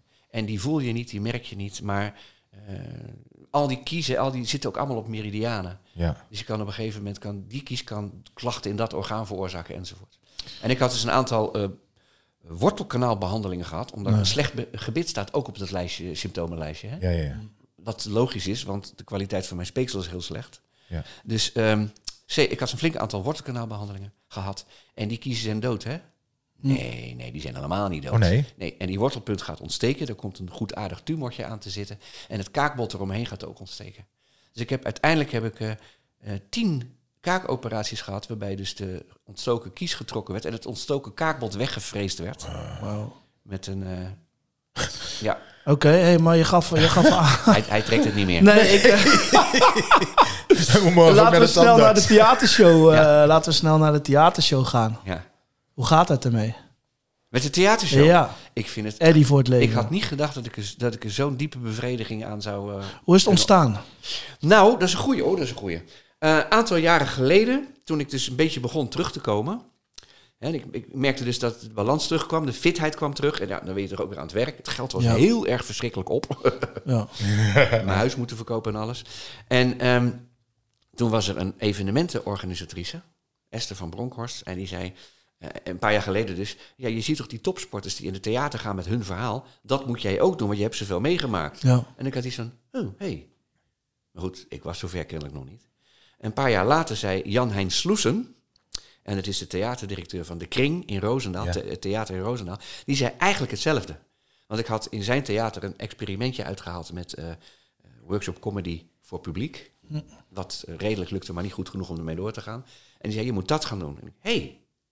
En toen kwam de, de vlog van Jeffrey Schenk, of de Ja. podcast van Jeffrey Schenk. Die wilde een podcast met mij doen. En eh, ook nog eh, een interview voor zijn, to- wat hij toen had, een eh, regionale radioomroep eh, interview. Ja. En die zei toen, eh je moet dat en dat gaan doen. En hij zei erbij, en weet je wat, ik ga het organiseren, dit gaat gewoon gebeuren. Ja, kijk. nou, mijn gebrek aan organisatorisch vermogen Wat, by the way, ook een van de symptomen is van die stofwisselingsstoornis. Je gelooft het niet, maar het is echt waar. Eh, ja, ik kan dat niet. Dat lukt mij voor geen meter. En nog niet hoor. Als ik zie wat hij allemaal doet, dan denk ik, als ik dit alleen had moeten doen. Ja. Gisteren heb ik mijn nieuwe woning bekeken waar ik ga zitten. En dan neem ik mijn vriendin mee. Want ik zie dan die woonkamer en ik, ik weet echt niet waar het moet staan. Dan moet zij me echt en zegt, we gaan nu dit doen, we gaan nu dat doen. En dat doe ik dan ook braaf. Ja. Dat leer je wel. Je zei net even tussen neus en lippen door, eh, ik moest mijn woning verkopen. Ja, Gewoon, gewoon omdat het werk liep niet. nee, ja, ik werkte gewoon niet zoveel. En, en Want dat kon ik niet. omdat je het niet kon. Ja, Oh ja, tuurlijk. Jezus, dat is wel heftig hoor. hè? ja zeker. Ja, ja, ja, ja. Want je, ik bedoel, ik, ik, Want nu zit ik met een enorm dakloosheidsprobleem. Ja, nu. ja. Als je, oog, als je wenkbrauwen nog verder omhoog gaan, vallen ze in je nek. Ja, ik, sorry. Ik, ik doe ze even naar beneden. Ja, Je- Nu zit je, want je zegt net, ik heb nu een huis, maar dat is dus echt een oplossing voor een verschrikkelijk probleem. Nou, toen ik mijn woning moest verkopen, dat is nu zes jaar geleden, eh, merkte ik dus hoe groot de woningnood was. Ja. En ik, kon, ik zocht een goedkope huurwoning, betaalbare huurwoning, die kon ik niet krijgen. Nee. Toen ben ik terechtgekomen in wat heet leegstandsbeheer. Ja. Dat is anti-kraak en daar heb je twee varianten in. Je hebt ook de variant tijdelijk huren. Dat is iets duurder, maar je hebt ook iets meer bescherming. En nog steeds heel betaalbaar trouwens. En je hebt ook iets meer bescherming. En dan heb je een half jaar garantie. Toen ben ik in, terechtgekomen in een voormalige psychiatrische kliniek. Ja. Daar had ik in een volkomen uitgewoond en uitgetrapt pand. En twee van de vier elektrische pitten deed het niet. En dat soort Oh, dingen, ja, ja. lekkage. Eh, had ik eh, 300 vierkante meter midden in het bos. Dat wel. Met de muizen door het plafond. En wat ik daar door, door het plafond heb horen galopperen... waren niet alleen muizen hoor. Nee, nee, nee, nee. nee. Dus, eh, en daar heb ik een fantastische tijd gehad, vijf jaar lang. Ja, En toen ik daaruit moest, verleden jaar... toen merkte ik dat de woningnood nog veel erger was geworden. ja. En toen heb ik echt letterlijk, ben ik fysiek eh, op, eigenlijk opnieuw eh, in de lappenmand geraakt van de stress. Ja. En toen ben ik gered door, joh, het is jongens, het is zo'n, zo'n, ik wou zeggen jongensboek, maar dat is niet eens. Het is zo'n soapserie. ja. Ik was dus in coronatijd, toen alles in ons vak, dat weten jullie ook, was kapot. Alles was weg. Alles was weg, ja. En ik was net weer op gang aan het komen. Hè? Ja, ja, ja. Dus eh, toen, eh, en toen zei een vriendin van mij, wat jij moet gaan doen is mantelzorgen. Je kan dus professioneel mantelzorger worden bij van die bedrijfjes die dus, soort gezelschapsdame ben je dan. Want je kan natuurlijk geen medische handelingen verrichten, want die, die vaardigheden, diploma's heb ik niet. Dat ben ik toen gaan doen. En daardoor kwam ik terecht bij iemand waar ik eh, eh, eh, meerdere malen per week voor zorgde. Een paar uur per dag. En toen kwam ik terecht in een dorp waar ik eigenlijk meteen aansluis was, waar ik me ook heel goed voelde. En toen ik dus de noodkreet in al mijn netwerken uitte, ik heb een dak boven mijn hoofd nodig, ben ik in dat dorp terechtgekomen. Wauw. En daar heb ik een jaar gezeten in die woning, want het was tijdelijk. Je weet sowieso ook in de vrije sector willen mensen je liever niet langer dan twee jaar hebben, hè? want dan heb je recht op huurbescherming Ja, ja. en dan raken ze nooit meer van je af. Nee. Maar goed, in dit geval, dat huis was bestemd voor iemand en die gaat er nu ook in. Maar in de tussentijd kon ik. En dus ik wist dus ook dat ik inmiddels ook weer... En nu heb ik 300 meter verderop weer iets tijdelijks. Maar dat moet voor superveel onrust eh, ja, zorgen. nou, het is, om dit moment sta ik er beter voor dan verleden jaar. Want ik heb natuurlijk overal mijn lijntjes uitgezet eh, voor onderdak en liefst ook iets blijvends. Ja, Maar het is eh, en soms ook pokeren dat je denkt, daar wil ik absoluut niet terechtkomen. Maar weet je, ja, het is misschien wel verstandig om... Maar het- het is er word niet. je gek van. het is er niet. Nee. Nee, het is. eh, eh, ehm, ik ben al mijn hele leven lang heb ik eh, een grote weerzin tegen politiek gehad. Ja. Dat is dus niet van de laatste jaren, zoals veel mensen hebben. Ik had het mijn hele leven al. Maar het wordt er niet beter op. En is, is het... ehm, De incompetentie is hemeltergend. ja, maar... Ah, man. Nou ja, het is nu, er, zijn dus nu, er zijn dus nu een bepaalde regels, ook in het belastingregime, maar ook in andere dingen, die niet gunstig zijn voor huiseigenaren. Eh, Huizenbezitters moet ik zeggen. Niet, wonen, niet, niet die mensen die in hun eigen woning wonen, maar mensen die woningen verhuren. Die worden er niet beter op. En dat snap ik wel, want ze willen die huisjesmelkers willen ze een halt toeroepen. En wat is wat is het eerste probleem? Dat er nog minder huurwoningen op de markt komen. Ja, ja, ja. Want als ik moet kiezen tussen een woning van een huisjesmelker of een brug met een kartonnen doos, wat zou ik dan kiezen? Ja, ja. Dat is de incompetentie van de politiek. Mensen die in Den Haag zitten, hebben geen idee. Echt geen idee. Maar waar jij nu heen gaat, Ja. is ook tijdelijk. Ja, maar wel heel leuk. ja. Ja, Weet je, want, wat, eh, weet je waarom ik mijn wenkbrauwen net in mijn nek lagen? Is omdat je zo eh, gelukkig oogt. ja. Ja. dat vind ik eigenlijk wel eens de mooiste recensie die ik in mijn leven gekregen Ja, heb. maar dat vind ik echt. Ja. Je- je- Nou, maar, eh, nou kom ik weer bij het programma. Ik, vind Ja. dat, ik had natuurlijk zoiets van, ik ga vertellen wat ik mee heb gemaakt. En niet alles is leuk wat ik mee heb gemaakt. nee, dat en merk dat, ik. ik denk, ja. dat ga ik wel vertellen. Ik ga dat niet uit de weg. Ja. Maar wat voor toon kies je? Ja. Want het is natuurlijk heel makkelijk om te zeggen, en toen gebeurde er dat. En toen Ja. had ik het zo zwaar daar. Ik denk, dat gaan we dus niet doen. Nee. Dus ik heb daar een toon in gevonden. En wat ik zelf heel erg, waar ik heel erg blij mee ben, wat ik heel erg leuk vind, is dat ik merk dat het publiek heel aandachtig luistert. Ja. En eh, iedere keer als je denkt, nou, het zwaar, gooi ik het natuurlijk weer. eh, Komt er een relativerende grap. Ja. Zelfspot is, wel- en humor is wel een Ja. familieding bij ons hoor. Ja. En een redmiddel. Ja, Humor, een humor, mechanism zoals het heet. ja, maar Ja, ja, ja. humor, humor is een redmiddel. Ja? In, in alle situaties. Ja, maar eh, ook dat heb ik in het programma een klein beetje van eh, het belang van humor aanstippen. En dat ook wel Ja. onderbouwen. Van waarom. En ja, weet je, Het is een manier van overleven ook. ja, maar het, het is meer dan dat. Het is, Ja. eh, het is, eigenlijk is het een vorm van wijsheid. Ja, levensstijl. Nou, humor is relativeren. En relativeren betekent dat je dingen in een bredere context Ja. ziet. Ja, ja. En wat er dus bijvoorbeeld heel erg met corona is gebeurd, dat die bredere context is verdwenen en de blikvernauwing is extreem geworden. En dat vind ik heel erg akelig. ja. En dat, wat daarachter zit, is voor mij heel simpel: angst. Ja, nee, angst. En de nou ultieme ja, angst, nou, de ultieme angst van bij 80% van de mensen is: eh, eh, er is een virus, ik kan doodgaan. Ja. Er is een stikstofprobleem, de wereld kan vergaan, ik kan doodgaan. En we hadden geen angst in de jaren negentig. Nee, ik denk ook dat wat er nog aan populariteit is van bijvoorbeeld Vrienden voor het Leven, heeft daarmee te maken. Nou, eh, Het is een tijd, is- Vrienden voor het Leven is ook een beetje een tijdmachine. Het is zeg maar, jij begint een voorstelling over, ehm, over jouw leven, maar je hangt het op aan Eddie. Beetje, niet helemaal. Nee, niet helemaal, Er maar... zitten ook conferenties tussen oh, die nergens over gaan. Nee, 100 procent. Het gaat over je leven. Maar Over de wij, wij zitten wat dat betreft in hetzelfde schuitje Ja, van ehm, eh, de angstige wereld. Of Ja. in ieder geval, mijn herinnering van de jaren 90 is dat het zorgelozer was. ja. Ik, ik, eh, ik, en ik was natuurlijk tiener, dus dan heb je sowieso iets minder verantwoordelijkheden. Je kijkt wat minder ver. Ik, mijn wenkbrauwen lagen wat lager. Ja, maar ook, eh, ook, ook qua, qua regelgeving. Ik heb een huis gekocht. Iets later dan de eind van de ja- jaren negentig. Maar ik kocht een huis op mijn werkgeversverklaring. Ja, Dan, ja, dat kan je nu niet meer, nee. nu niet meer bedenken. Ik kan, ik kan eh, de rest van mijn leven geen huis meer kopen. Nee.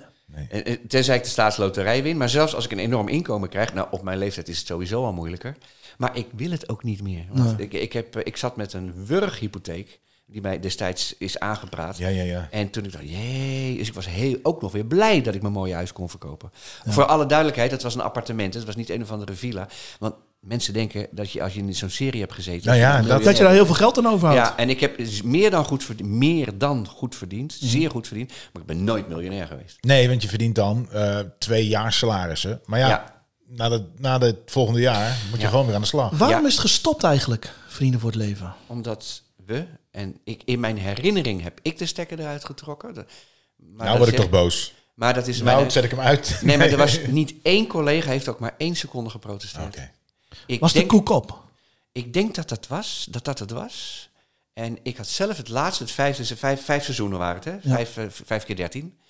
Dat het laatste dacht, het wordt niet beter. Het- Er zit een vleugje routineusheid begint erin te sluipen. En dat je dan weet dat het zesde seizoen minder gaat worden. Hmm. Maar had je qua populariteit seizoenen door kunnen gaan? Dat weet ik niet, is niet aan mij. Maar zo klonk In het die wel. tijd. Nog in ja. ieder geval Ja. een paar, denk ik. Ja, maar je kunt het niet voorspellen. Dingen, Nee. dingen vallen. Ik noemde net eh, eh, eh, Luizenmoeder. Ja. Ja. Dat was toch een heel bijzondere serie. Met knetterende kijkcijfers en Talk of the Day. ja. En hoor je er nog over? Toen het voorbij was, was het voorbij. Ja. En het is geen kritiek, hè? Nee, nee, maar nee. ik, nee. Ik, ik kijk er met verbazing naar dat dat gebeurd is met de luizenmoeder. ja. Maar ik kijk ook met verbazing naar wat er met Vrienden voor het Leven Ah, gebeurt. jij hebt nog in de film gezeten. ik zat in de film, ja. Het laatste staartje. Ja. Maar Van luizenmoeder? ja. Ik wist niet eens dat er een film van was.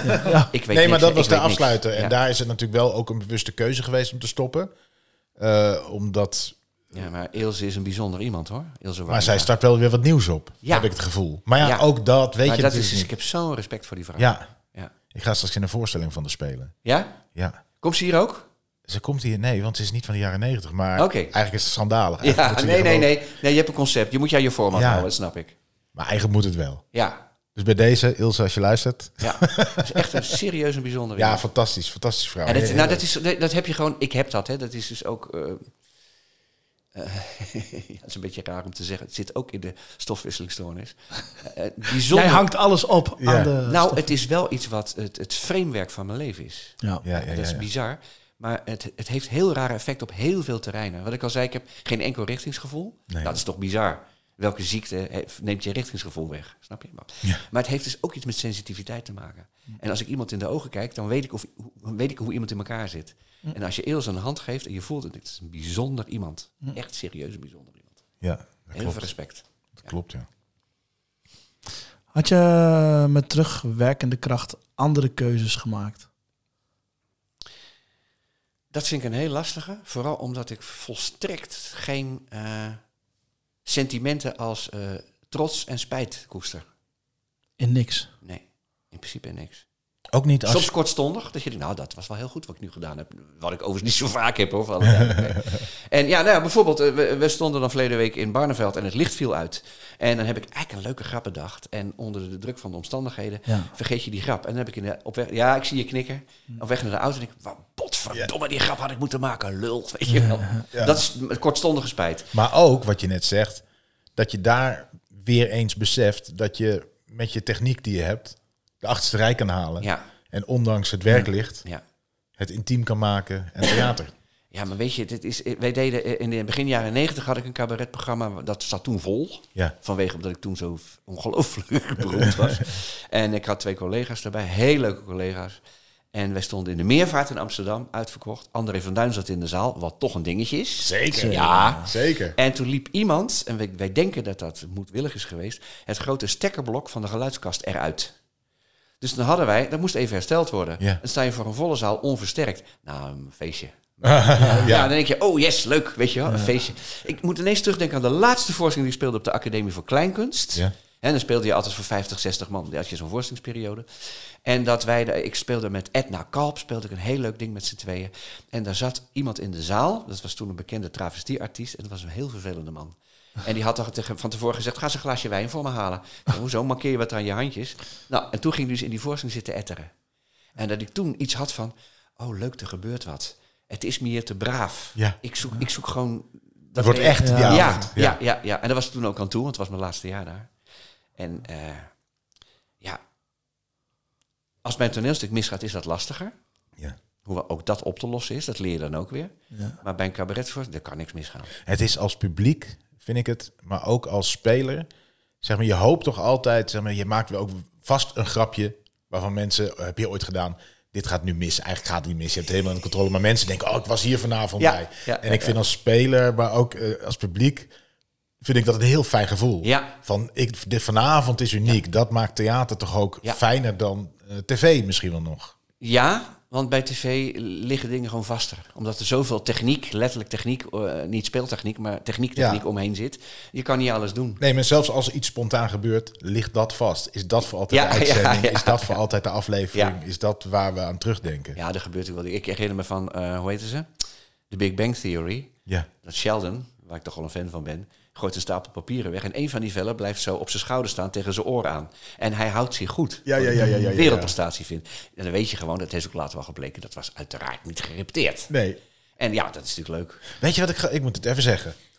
Je hebt wel eens, als je mensen eh, van tv kent, en ik ken jou eh, van tv, we hebben volgens mij elkaar nog nooit Nee, ontmoet. voor zover ik weet niet, nee. En ehm, dan, dan zie je mensen in het echt.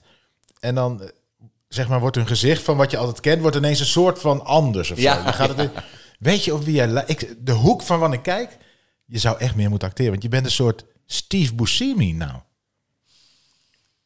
Nu, is met de leeftijd Ik- erbij. Ik merk dat ik zijn gezicht niet voor me kan halen, wat vrij dom is. Want volgens mij zeg jij dat het ongeveer mijn gezicht is. Ja. Dus ik heb nu even een identiteitscrisis. Ik zie het zo ineens, ineens zie ik er wat in. Dus je moet toch meer, meer ook fantastische Waar is dat? acteur. eh, acteur? ja. nou, wat is, Is echt... dat, wat- Reservoir Dogs? Ja, man. Ja, maar dat heb ik sowieso. dunnige- Nee, nee, nee. Dat, nee, maar dat, ja, ik, ik kende zijn naam niet. Ja. Maar als ik hem zie, dan denk ik ook aan Peter. Tarantino film, ja? Ja. Klopt, precies. Er hij zit zit in alle eh, Adam Sandler Ja, films, ja, eh, man. doet hij een bijrol. Ja, ja, ja. Je moet... moet klopt. Ja, hè? Ja, het klopt. Dat, uit, Ja, dat klopt. Nou heb je het over eh, eh, eh, kwaliteit versus eh, populariteit. Ja. Wat een bizar iets is. Ehm, sommige mensen zijn beter in PR en productie dan in eh, het artistieke gedeelte Ja. en hebben toch meer succes.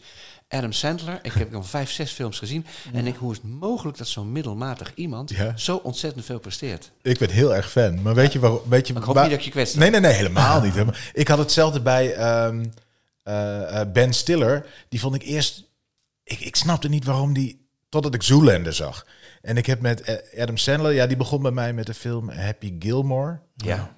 Ja, ik vond het zo grappig. ja, maar die was hartstikke leuk. En daarna kan die gewoon niet zo heel veel fout doen dan bij mij. Maar ik snap wel wat je bedoelt. Ja, maar het omgekeerde is, omdat ik zie nu ook, want hij heeft ook dingen gedaan met Jennifer Aniston. Ja, Jennifer Aniston was fucking briljant in Friends. zo.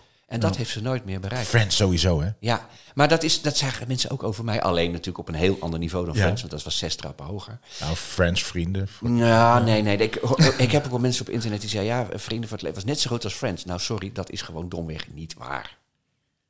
Friends is gewoon wereldtop en dat waren wij niet klaar. Heel simpel. Nationale top waren jullie. Ja, maar goed, oké, nou, dat zegt ook iets over Nederland. Neem me niet kwalijk.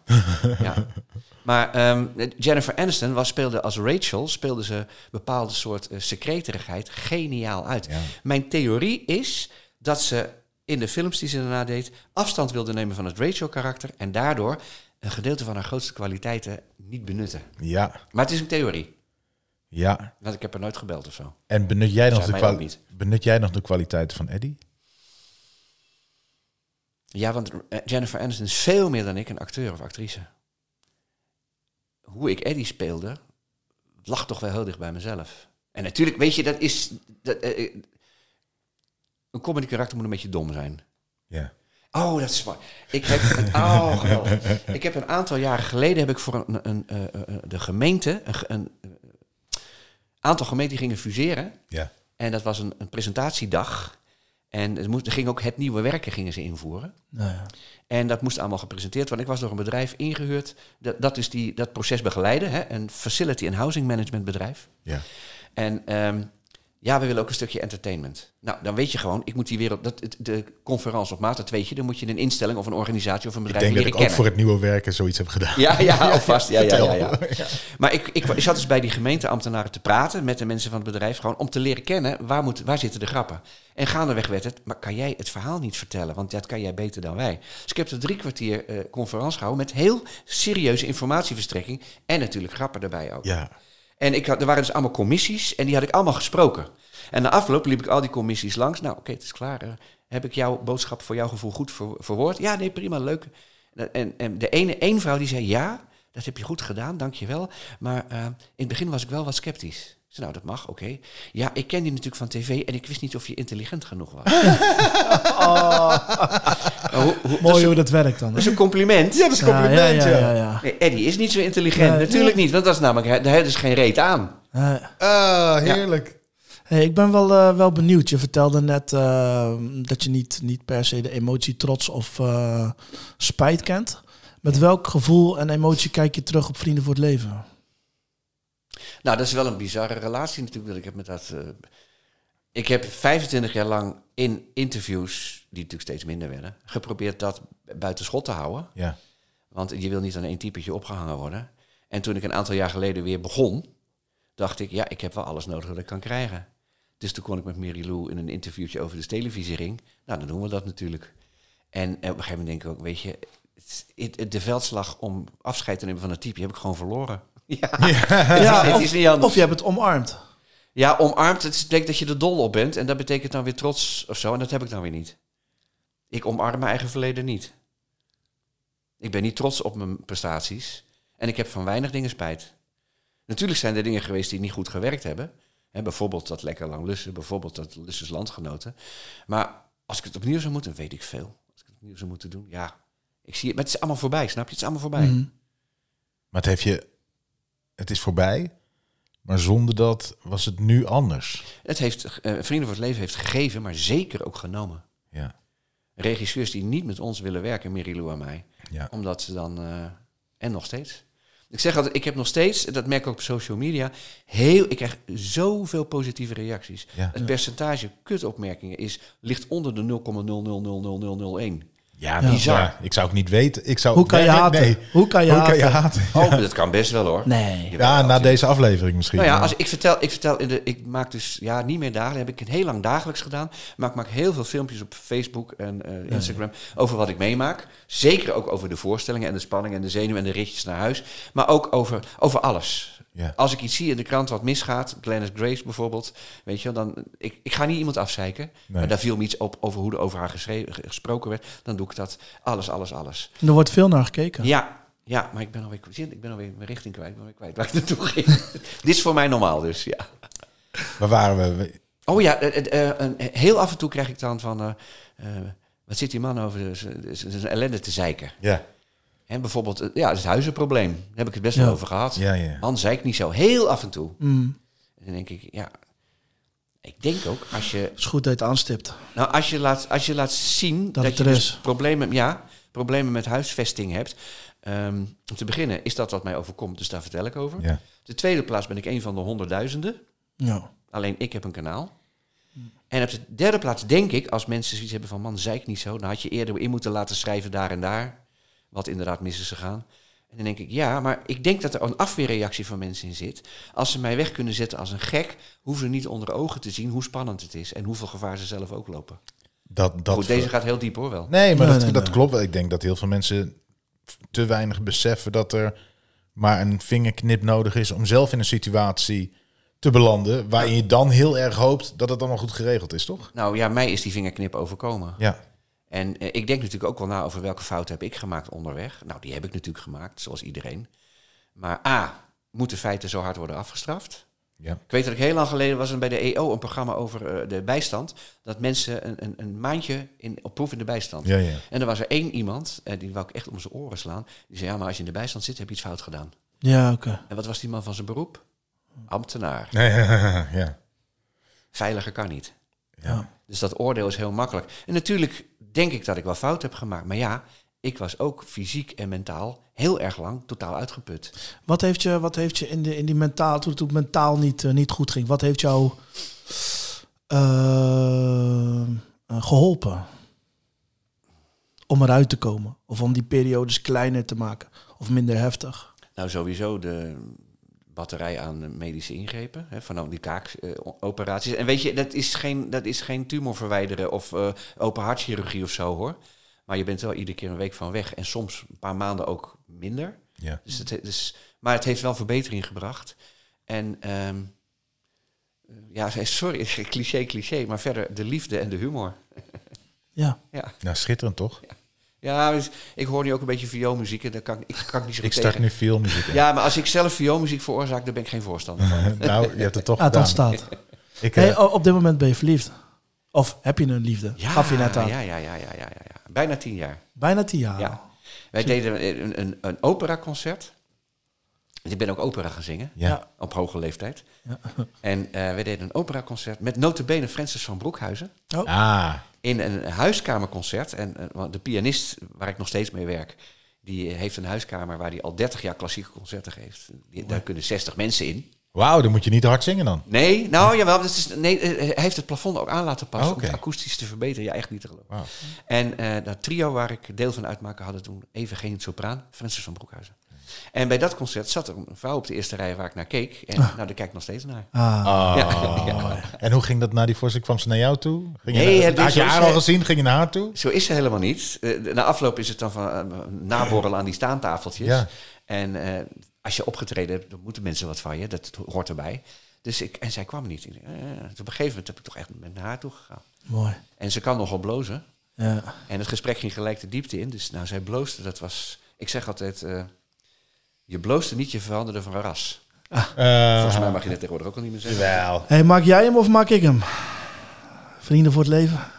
Ja, ik... ik, ik Als je het ik- plaatje gaat draaien, is het uit. nee, nee, nee, nee, nee. Ik, ga, ik ga het niet draaien. Ik ga het niet draaien. Maar de, de, eh, Vrienden voor het ik leven. vind wel leuk dat je zelf zegt van... Ik was een soort Eddie. Maar ik vind dan toch leuk dat je, dat je bent geëindigd met iemand die eigenlijk helemaal geen Ellen is. Totaal niet. Nee. Maar ik heb, nou, ik heb vrij veel relaties gehad. Wel altijd relaties. Hè. Ik ben niet zo'n eh, ben niet zo'n rondneuker. Eh, nu al helemaal niet, maar vroeger ook niet. En ehm, de karakters van die vrouwen die ik in mijn leven, waar ik mijn leven mee gedeeld heb. En echt jarenlang steeds, hè? Ja. Ja, dus als je oud bent, kan je dat zeggen. Ehm, allemaal totaal verschillend. Totaal verschillend. Heb je één grote liefde? Ik weet niet eens wat je bedoelt precies. Eén grote liefde gehad? Nou, dat je dacht van, nou, dat is... De ware. Ja. Ja, twee keer. En allebei de keer een enorme vergissing. Eh, Als, als we over mijn liefdesleven gaan hebben, kan je een apart podcast van maken. Ik laat het zo zeggen, ik heb het eh, eh, niet van huis uit meegekregen om dat goed te doen. Hm. Dus ik heb daar heel erg veel van moeten leren. Maar da- klop, klop, klop, onder de tafel, tegen het hout. Ik heb het ook wel geleerd. Je bent geslaagd. Nou ja, vandaar dat ik nu tegen deze vrouw, eh, Ja. dat ik deze vrouw ben tegengekomen. Want eh, ik had daar 30 jaar geleden, hadden we elkaar voorbij gelopen. Wat fijn. Ja, ik, ik zei net al van... ehm, je ziet er gelukkig uit. En dat Ja. meen, ik ook echt. En eh, ik wil je heel erg bedanken voor dit gesprek. Nou, dankjewel. Ik vond het wel bizar gezellig. En jullie zijn ook vreselijk voor mij, want ik heb natuurlijk ook op sommige punten ben ik veel verder gegaan dan ik had gewild. Ja, Dus- echt? dus- ja, dat heb je voor jezelf... eh, Nou, dat ik denk, moet je dat nou wel vertellen? Maar dan had ik het al verteld. Dat is jullie Ja. schuld. Ja, ja, ja. nee, Dus maar, die ik wel even hard op tafel, hoor, deze. Ja, nee, maar de, de, de, sfeer, de sfeer is goed. Ja. En eh, ja, het. ik, ik ben, ik, ja, dit is voor mij wel een hoogtepuntje eh, dat ik met jou eh, dit gesprek heb mogen hebben. Oké, dat is heel moeilijk, want dan weet ik gewoon echt niet wat ik terug moet zeggen. Ja, Nou ja. nee, maar het is, het is gemeen. Dankjewel. Waarschijnlijk Nee, moet dan dankjewel ik- ja. Oh, ik weet niet of je er ongemakkelijk bij voelt. Dat, geeft, die opmerking wel. geeft, Ja. geeft, a- geeft absoluut niet voor mij. Maar ik vond het echt, eh, ja, echt top. Nou, dank jullie wel. Dankjewel. Ze vreet me leeg, ze woont me uit. De gaten vallen in mijn huid. En zij verschiet genadeloos mijn laatste kruid. Zij, ze bijtelt vlijtig aan mijn zerk. Want ze heeft scheid aan paal en perk. Door haar kom ik te laat op mijn werk. Door haar ga ik weer naar de kerk. Zij, zij.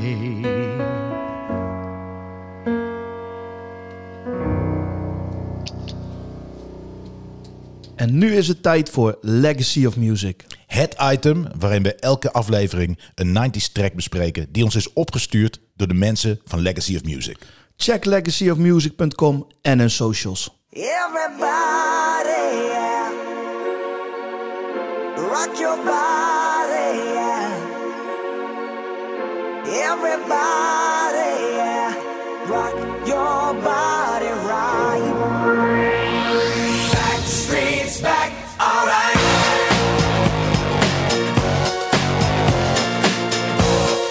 Hey. Oh my God, we're back again. Ja, de Backstreet Boys. Jezus, man. Ja, dit is wel 90s, hè? Everybody. Ja, ja dit is eh, de boybands, de girlbands. Eh ik denk niet dat het meer 90s eh, wordt dan dit. Eh, Backstreet Boys met, met Quit Playing Games With My Heart. I Want It That Way. Get Down. We've Got It Going On. Die gasten hebben... Die We gasten got it hebben going on. dat was een eerste hit, man. Was dat de eerste? Oh nee, dat is Emanate. Nee, nee. ik weet het niet. Ik, weet Ja, het nee, niet. nee, We've Got It Going On. Dat was een, was een eerste hit. ik heb het allemaal meegekregen, want, want ja, MTV TMF Ja, stond aan als er verder niks te doen was. ja, ja. Ik, eh, was vond, je het, vond je het ook mooi? Nee man, nee, ja, nee. Ik, ik, mijn zusje natuurlijk, eh, mijn zusje zat, eh, zat op de zolder. Ja. Eh, die luisterde Backstreet Boys en Sync en eh, wat kreeg je nog meer man? Five, Boyzone. Ja. Ehm, Take That. eh, ik moet je, ja, Take That. Ik, eh, New Kids on the Block, daarvoor nog. Zeker. Daarvoor Ja, nog. die vond ik stiekem wel nog wel stoer, maar toen was ik zo jong dat ik nog eh, basisschool ja, einde. ja, dat kan ik me wel voorstellen. Want je had natuurlijk de, de bad guy, eh, de, de, de lieve guy, de stoere guy. Je had natuurlijk verschillende types. Ja, Ik moet je wel heel eerlijk zeggen. eh, ehm, ik zeg nu heel stoer nee. achteraf. Maar misschien, nee, nu vind ik het wel tof sowieso. Maar misschien, heel eerlijk, vond ik het toen ook wel een beetje tof. Ja, ja, ja, ja. en ja, ja, Sink, Tearing Up My Heart, eh, Backstreet Boys, Get Down. Ik heb het singeltje gekocht. Hoe heette die, die in eh, eh, die boyband ook weer van I got a little something for you. Emanate, man. Was dat Emanate? Emanate. Volgens mij heette zij Emanate. Maar dat was volgens mij meer ehm Swingbeat nog. swingbeat. Ja, ja, ja. Swingbeat.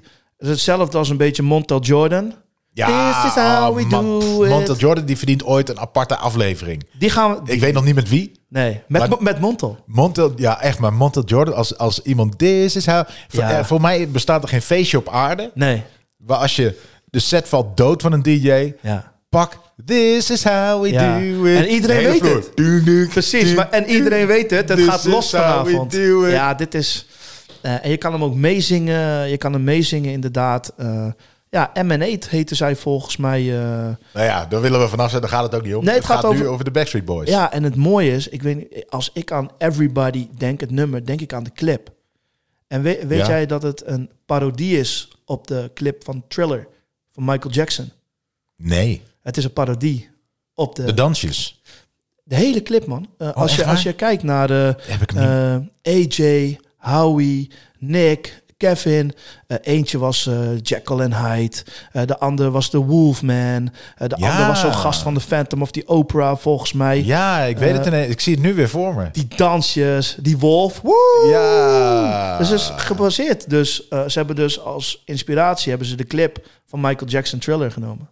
Jeetje. Ja. Weet je hoeveel streams? Ja, de, dit Wat, moet dat uit, dus de- een, uit het dak dus- gaan. 491 miljoen, maat. Jongens, jongens, jongens. Ja. 1997. Hoe oud was jij toen? 1997, toen was ik 18. Mooie leeftijd. Ja. Zeker, ja. Ja. Nee, dus het was, het was zeg maar... ehm, ja, dit is voor mij muziek. Kijk, ik vond het natuurlijk ook niks, net zoals jij, op die manier. Want Ja, het toch paste, het paste ik het in toch geen enkel wat. straatje. Nee. Maar het was wel, als ik in de discotheek kwam en dit werd opgezet, Ja. ik dan, dan ja, Had, je, had je een move? Ik had move, jongen. Ja, moves volgens mij. Jij wil niet weten Ja, ja, ja, moves ja, ja, ja, jij hebt moves, man. Nog steeds, nog steeds. Nee, ja, weet je, Backstreet Boys, eh NSYNC, eh, Five, Boyzone. En we hebben het net al gezegd. eh, le- legends in de 90s. Er zit, er zit één stukje in wat ik ehm, vlak voor, volgens mij is het, je hebt op een gegeven moment heb je die, die, die bridge en dan gaan ze naar de laatste keer het refrein toe. Ja. En, maar vlak voor die bridge zit een ding en dan hoor je nog één keer iemand, ik weet niet meer wat hij nou zingt, maar je hoort zo laag stem nog alsof het een foutje is. Oké. Everybody, zoiets heel raar erin. Ja. Dat ga ik nu even laten horen.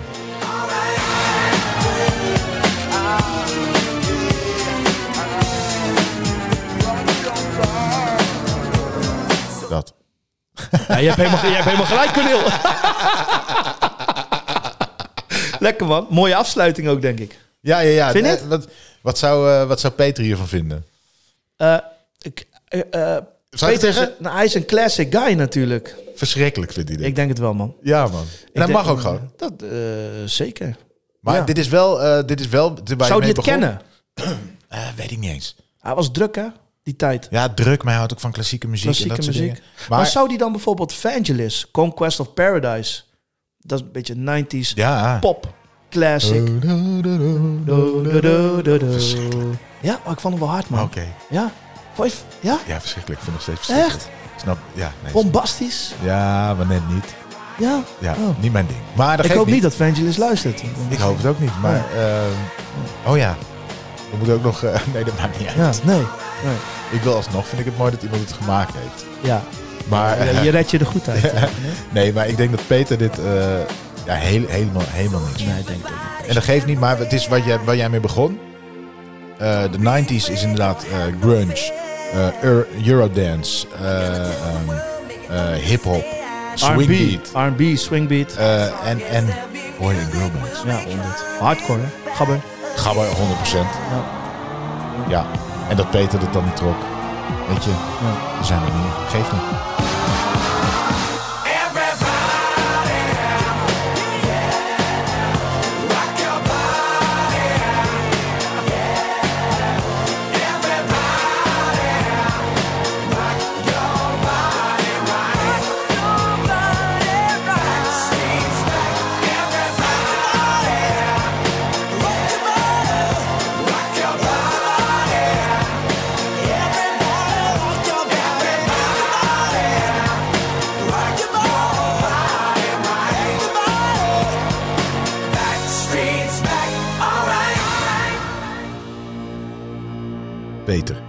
Dit gesprek bij ons aan tafel bleef me bij, je had gezegd, je hebt geen dak, niet van jezelf. Je overviel me daarmee echt. Mijn beeld of vooroordeel kan ook van dakloosheid ligt aan mij, was meer een junk of zwerverstype, niet een mooie man als jij. Je bent iemand als ik toch, Peter, met talent en grote dromen, maar blijkbaar als tegenzit kan dit je zomaar overkomen. We vroegen je om Eddie, maar we spraken toch echt Peter. Vol van leven, ondanks pech, en godzijdank gaat het wat beter.